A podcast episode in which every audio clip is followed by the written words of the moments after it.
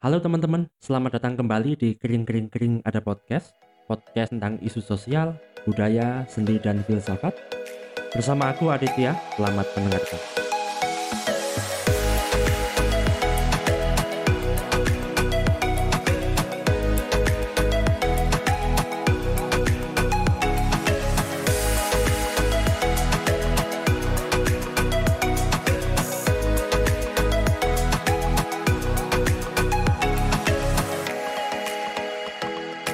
episode kali ini, aku akan bahas tentang relasi agama dan kebudayaan. Uh, tapi karena pembahasannya cukup panjang, aku akan bagi menjadi beberapa sesi. Ya, dan ini merupakan sesi yang pertama tentang sejarah kebudayaan.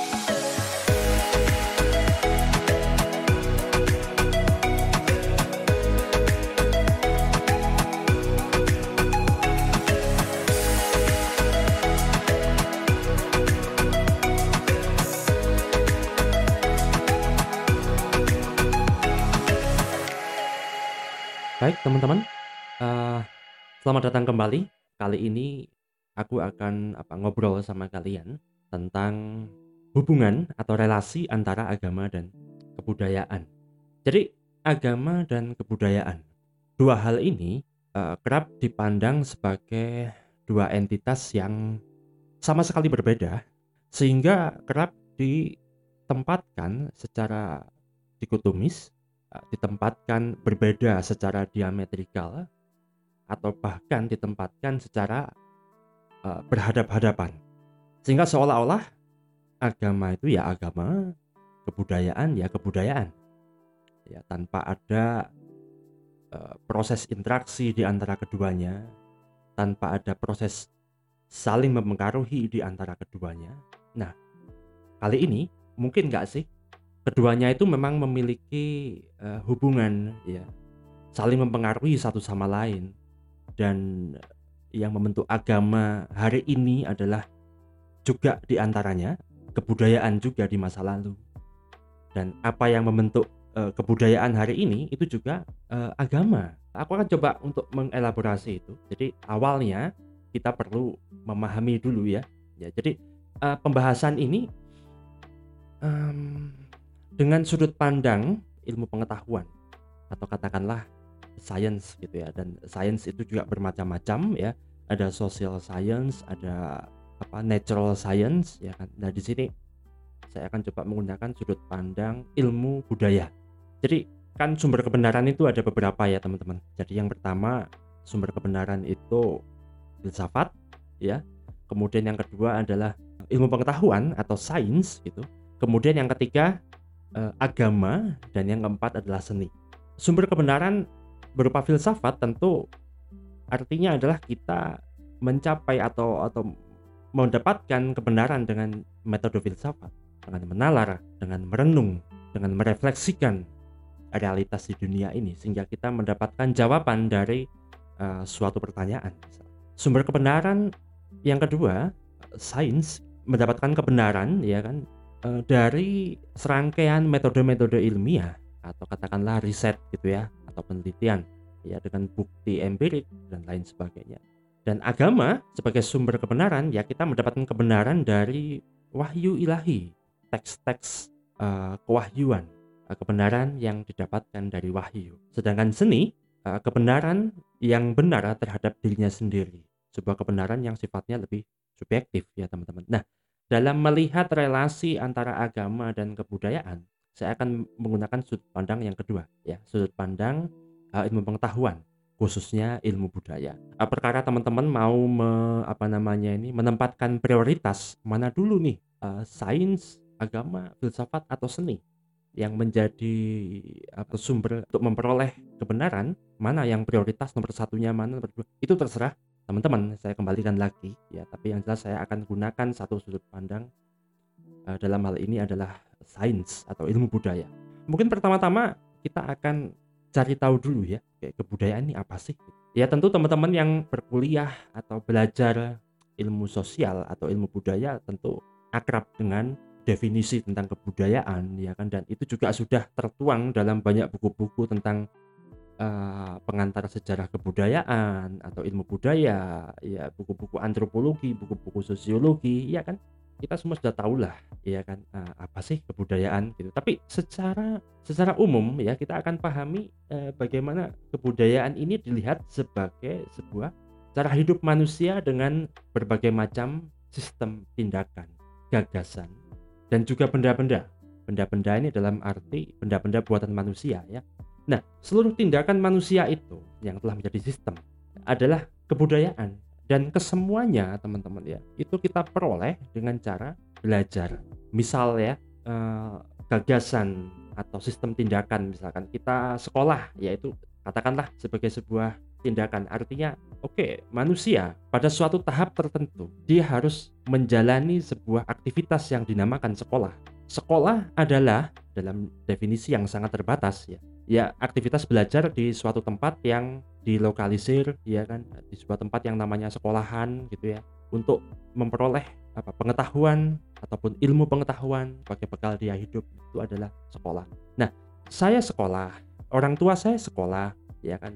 Uh, anak saya nanti misalkan juga sekolah ya kan? Artinya aktivitas sekolah sebagai sebuah sistem tindakan ini diwariskan dengan cara apa? Dengan cara belajar. Saya tahu manusia itu harus sekolah tahu dari mana ya tahu dari generasi sebelum saya ya kan oh ketika saya masih kecil misalkan melihat kakak saya sekolah atau teman-teman yang lain yang lebih tua dari saya sekolah maka saya belajar oh manusia harus ya jadi kebudayaan itu diperoleh dalam hal ini sistem tindakan tadi ya dengan belajar. Lalu eh, bagaimana munculnya kebudayaan ini ya? Tentu saja kebudayaan ini lahir ya dengan dorongan ya tidak kemudian ada begitu saja teman-teman ya. Kebudayaan lahir dengan didorong oleh kebutuhan-kebutuhan manusia. Nah, di awal-awal munculnya atau lahirnya kebudayaan, ia didorong oleh kebutuhan yang sifatnya sangat mendasar dan relatif sederhana gitu ya. Kalau kita melihat kilas balik ke sejarah peradaban gitu. Yang pertama kali misalkan uh, kebudayaan yang paling sederhana di Indonesia misalkan uh, kebudayaan ngandong, kebudayaan pacitan kalau teman-teman belajar tentang apa uh, sejarah manusia. Yang pertama kali muncul adalah kebudayaan, kebudayaan yang paling sederhana. Dan kita lihat di sana ada artefak, ada benda-benda buatan manusia gitu ya, uh, berupa apa kapak genggam, kapak perimbas, kapak penetak, terus kemudian uh, mata tombak yang terbuat dari batu. Nah, untuk apa benda-benda itu semua?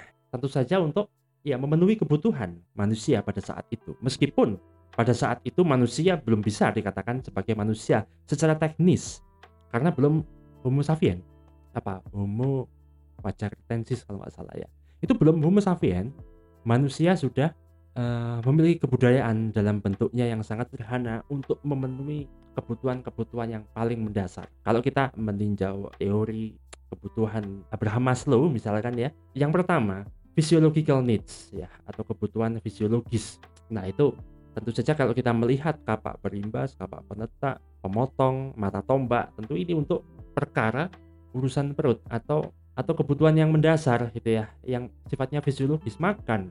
Terus kemudian manusia mulai bertempat tinggal ya, bertempat tinggal di gua-gua ya. Nah, dari situ kita bisa melihat bagaimana manusia di samping memiliki kebutuhan fisiologis, ia juga memiliki kebutuhan akan rasa aman atau safety needs. Mereka hidup berkelompok dan pada akhirnya ya peradaban manusia ini melahirkan apa yang dinamakan sebagai kota atau desa. Nah di situlah sebetulnya kebutuhan manusia akan love and belonging, berteman, ya prinsip, intimacy, family, dan juga sense of connection ya itu kemudian terpenuhi dan pada akhirnya ketika seni itu lahir di situ ada kebutuhan manusia juga ya tentang esteem tentang kebebasan termasuk apa self actualization mengekspresikan diri itu kebutuhan yang paling apa nama paling tinggi ya kalau kita lihat piramid kebutuhannya mas. Jadi kebudayaan ini lahir didorong oleh uh, kebutuhan manusia. Maka kita bisa pahami sebetulnya bahwa kebudayaan ini adalah kalau kita melihat di buku-buku tentang ilmu budaya gitu ya pengantar kebudayaan dasar-dasar kebudayaan ya kan? Atau buku-buku antropologi. Kebudayaan ini berasal dari kata budaya gitu yang berasal dari bahasa Sanskerta teman-teman ya. Bahasa Sanskrit. Yang merupakan bentuk jamak dari budi yang berarti akal. Sehingga kebudayaan ini uh, kerap kali dihubungkan dengan hal-hal yang sifatnya uh, bagaimana manusia itu merasio atau menalar kehidupan dan lingkungan di sekitarnya. Pendeknya, daya ini adalah akal atau rasio. Nah, eh, pengertian berikutnya misalkan ya, eh, budaya terdiri dari dua kata, budi dan daya. Eh, daya ini aktivitas, budi itu rasio tadi ya, sehingga aktivitas berpikir gampangnya. Dan di beberapa sumber juga menyebutkan bahwa kalau kita melihat dari bahasa Inggrisnya, nah kebudayaan ini kan culture artinya berasal dari bahasa Latin koler yang artinya mengolah. Tuh. Apa yang diolah? Yang diolah adalah mengolah tanah, teman, atau mengubah alam. Nah, ini ini mengingatkan kita pada bagaimana manusia itu pada awalnya setelah dia mengalami fase berburu dan berpindah-pindah atau nomaden ya kan, maka uh, manusia menuju pada tahap uh, mengolah tanah beternak ya, sehingga akhirnya dia menetap dan lahirlah apa yang dinamakan desa dari komunitas itu ya tentunya kan nggak satu orang ya kan dinamakan desa atau kemudian berkembang menjadi kota. Nah kemudian di samping istilah kebudayaan gitu kan kita juga mengenal istilah peradaban atau dalam bahasa Inggris disebut sebagai civilization. Nah istilah peradaban ini berdampingan dengan istilah kebudayaan tapi penggunaannya dalam konteks yang berbeda biasanya. Jadi istilah peradaban ini sering digunakan untuk menyebut suatu kebudayaan tertentu yang memiliki sistem teknologi, ilmu pengetahuan, arsitektur, seni rupa, sistem politik dan kenegaraan dari sebuah masyarakat yang sudah maju dan kompleks ya. Maka dari itu kita sering kali mendengar peradaban Aztec, peradaban Babilonia, peradaban Sumeria, peradaban Mesir karena mereka semua dianggap sebagai kebudayaan-kebudayaan yang telah memiliki capaian-capaian yang sangat tinggi dari bidang misalkan teknologi, ilmu pengetahuan, arsitektur dan seni misalkan seperti peradaban Yunani klasik atau Yunani antik yang sampai sekarang pesona peradabannya masih bisa kita lihat sampai hari ini kuil-kuil Pantheon di Yunani dan bagaimana mereka telah mencapai kemajuan ilmu pengetahuan, seni, dan kebudayaan yang begitu tinggi di masa lampau. Nah di situlah kemudian kita menyebutnya sebagai peradaban. Nah,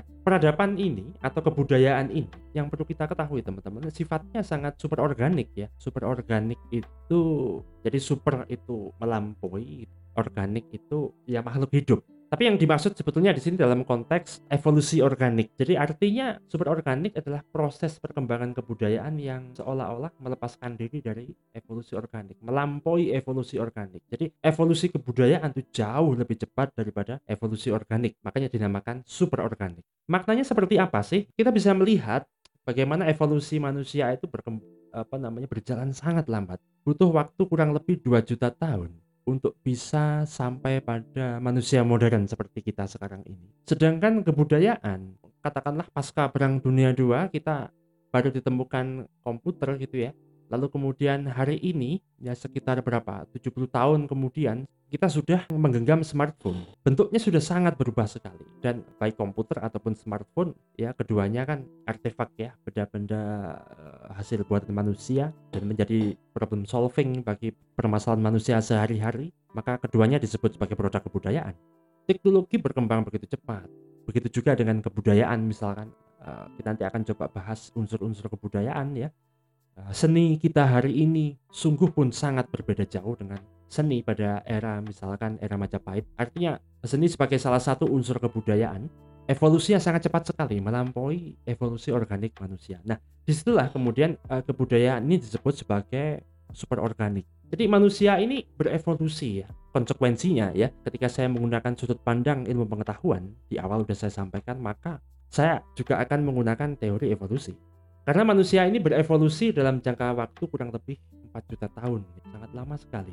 Jadi 4 juta tahun yang lalu manusia mulai berevolusi, baru mulai. Jadi 4 juta tahun yang lalu itu ada cikal bakal bahasa. Bahasa itu salah satu dari unsur kebudayaan ya teman-teman. Ada cikal bakal bahasa dalam bentuk yang paling sederhana. Ada juga sistem pembagian kerja. Bahkan ketika manusia itu berburu dan meramu atau nomaden ada interaksi sosial pasti karena ada bahasa meskipun sangat sederhana. Demikian pula alat-alat sederhana seperti kayu yang diruncingkan untuk digunakan sebagai alat berburu, batu untuk melempar hewan buruan, kapak perimbas, kapak, kapak genggam dan lain sebagainya.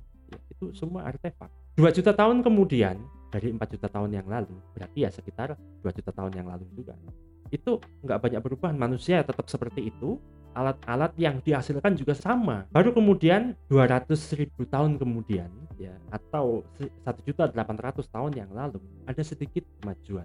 Manusia udah mulai berada pada tahap evolusi yang selanjutnya. Ada Homo neanderthal di mana mereka ini memiliki kemampuan untuk menguasai api, membuat gambar di dinding gua, membuat karya seni dan juga memiliki konsep religi. Silakan teman-teman bisa browsing sendiri mengenai Homo neanderthal ini. Nah, baru kemudian eh, akhirnya ada percabangan ya teman-teman. Di samping ada Homo neanderthal sebagai spesies manusia, ada juga eh, Homo sapiens sebagai spesies manusia yang lain. Jadi Homo ini kan manusia. Jadi kita tuh kalau dalam sudut pandang teori evolusi punya saudara lain spesies Homo neanderthal ya dan satu lagi ada Homo derisova dan akhirnya kalau dalam sudut pandang evolusi ya siapa yang paling fit dia yang akan bertahan kan begitu ya. Kedua saudara kita itu dari sofa dan Neanderthal mungkin kurang fit ya. Akhirnya ya harus tinggal landas. Dan sekarang kita yang ada di muka bumi ini Homo sapiens. Ke depan ada nggak uh, spesies lagi? Ya kalau evolusi masih berlangsung ya mungkin saja nanti akan ada spesies lain ya selain uh, Homo sapiens Nah, Homo sapiens secara fisik memang tidak sekuat ya Homo neanderthal dan dari sofa, tapi Homo sapiens memiliki tingkat intelektual atau katakanlah IQ yang lebih kompleks ya daripada dua spesies yang lain. Oleh karena tentu saja manusia punya keterbatasan fisik ketika harus bersaing untuk mendapatkan makanan dengan misalkan singa atau harimau. Maka manusia akan makan dari sisa-sisa hewan yang diburu oleh predator seperti singa. Nah, manusia pada akhirnya karena dagingnya itu sudah dihabiskan sama singa atau harimau, maka manusia mak makan sumsum -sum tulang belakang yang sebetulnya kaya akan protein dan pada akhirnya dalam jangka waktu yang lama itu membentuk otak manusia menjadi lebih besar. Akhirnya muncullah itu tadi ya uh, spesies baru Homo sapiens. Jadi untuk bisa lahir spesies baru Homo sapiens ini sudah dibutuhkan waktu ratusan ribu tahun ya teman. Evolusi manusia ini sangat lambat sekali. Nah baru dan 50 ribu tahun kemudian muncullah perbedaan ras pada Homo sapiens jadi perbedaan ras ini dikarenakan uh, ada banyak faktor ya. Karena kan manusia itu pada akhirnya menyebar ke seluruh wilayah atau belahan dunia ini yang memiliki iklim dan kondisi lingkungan yang berbeda dan makanan yang berbeda, uh, kondisi geografis yang berbeda. Sehingga akhirnya muncul ras yang berbeda pula. Ada ras macam-macam ya. Ada Kaukasoid ada Mongoloid ya. Ada subras juga pada akhirnya. Melayu Melanesoid dan lain sebagainya. Dan pada saat itu juga teman-teman ketika ada perbedaan apa namanya uh, ras itu muncul juga berbarengan ya. Eh, alat-alat uh, dengan teknologi yang sudah mulai rumit seperti busur panah misalkan Nah, 20 ribu tahun setelah itu, manusia mulai bercocok tanam dalam sebuah situasi pedesaan dengan organisasi sosial yang kompleks, dengan alat angkut dan juga alat transportasi. Nah, e, bercocok tanam pada akhirnya juga berternak dan beberapa jenis hewan terdomestifikasi kan. Akhirnya di situ hewan-hewan juga diberdayakan untuk membantu manusia, termasuk salah satunya e, dijadikan alat transportasi. Dan pada akhirnya di tahun sekitar ya 4000 sebelum Masehi, desa-desa ini menjadi kota. Dan kita di Yunani juga tahu kan ya konsep negara adalah negara kota. Jadi negara kecil yang memang uh, satu kota berbeda dengan kita ya kan. Indonesia ini kan luas terus kemudian terdiri dari provinsi terdiri dari kota-kota gitu ya. Nah, kalau dulu di Yunani itu konsepnya adalah negara kota. Kita bisa lihat bagaimana peradaban Pulau Kreta, ya, peradaban sekitar Sungai Tigris, Sungai Eufrat, Sungai Nil, ya itu kan apa peradaban yang familiar di telinga kita sangat lama sekali teman-teman sehingga pada akhirnya di abad ke-14 Masehi tahun 1300 sampai 1600-an dan itu kalau kita lihat dari sudut pandang evolusi itu benar-benar seperti baru kemarin sore ya baru saja terjadi. Terjadi apa? Renaissance. Zaman peralihan dari abad pertengahan medieval ke zaman modern. Ketika dari yang teosentris menjadi antroposentris ya kan? Yang sangat didominasi oleh kepercayaan keyakinan ataupun agama di era renaissance yang yang berlangsung secara ini ya gradual tentu ya tidak kemudian uh, terjadi seperti telapak tangan yang dibalikkan tidak seperti itu. Di sekitar uh, 1 sampai 2 abad ya peralihan itu kita melihat ada perubahan-perubahan dari ilmu pengetahuan filsafat maupun seni. Dari yang teosentrik menjadi antroposentrik Nah, dua abad kemudian ditemukannya apa tahun 1800-an ya mesin uap oleh James Watt dan pada akhirnya di situlah tonggak era modern itu uh, ditancapkan. Seringkali para sejarawan itu memahami bahwa ya revolusi industri itu yang dipicu oleh penemuan mesin uap oleh James Watt yang pada akhirnya menjadi tonggak modernisme sampai hari ini. Dan pada akhirnya perubahan unsur-unsur teknologi dan peralatan fisik manusia itu akhirnya mendorong perubahan spiritual dan juga mendorong perubahan sosial. Kita kembali kepada konsep superorganik dari kebudayaan. Bagaimana kita bisa melihat bahwa dalam kurun waktu 2 juta tahun sampai 200 ribu tahun kalau kita anggap misalkan ada dua garis ya teman-teman bisa membayangkan gitu. ada dua garis yang ya anggap saja seperti rel ya rel kereta api yang satu adalah garis evolusi organik yang satu adalah evolusi kebudayaan. Nah, pada awalnya memang keduanya berjalan beriringan, tapi kemudian salah satunya ya, yakni uh, kebudayaan itu kemudian menyimpang, dia berbelok ke arah yang yang berbeda dengan evolusi organik yang kemudian kita bisa pahami itu sebagai revolusi pertanian, revolusi perkotaan dan dalam konteks modernisme kita bisa sebut saja sebagai revolusi industri. Nah, seperti itu teman-teman ya. Sehingga kita bisa sebut kebudayaan ini punya sifat super organik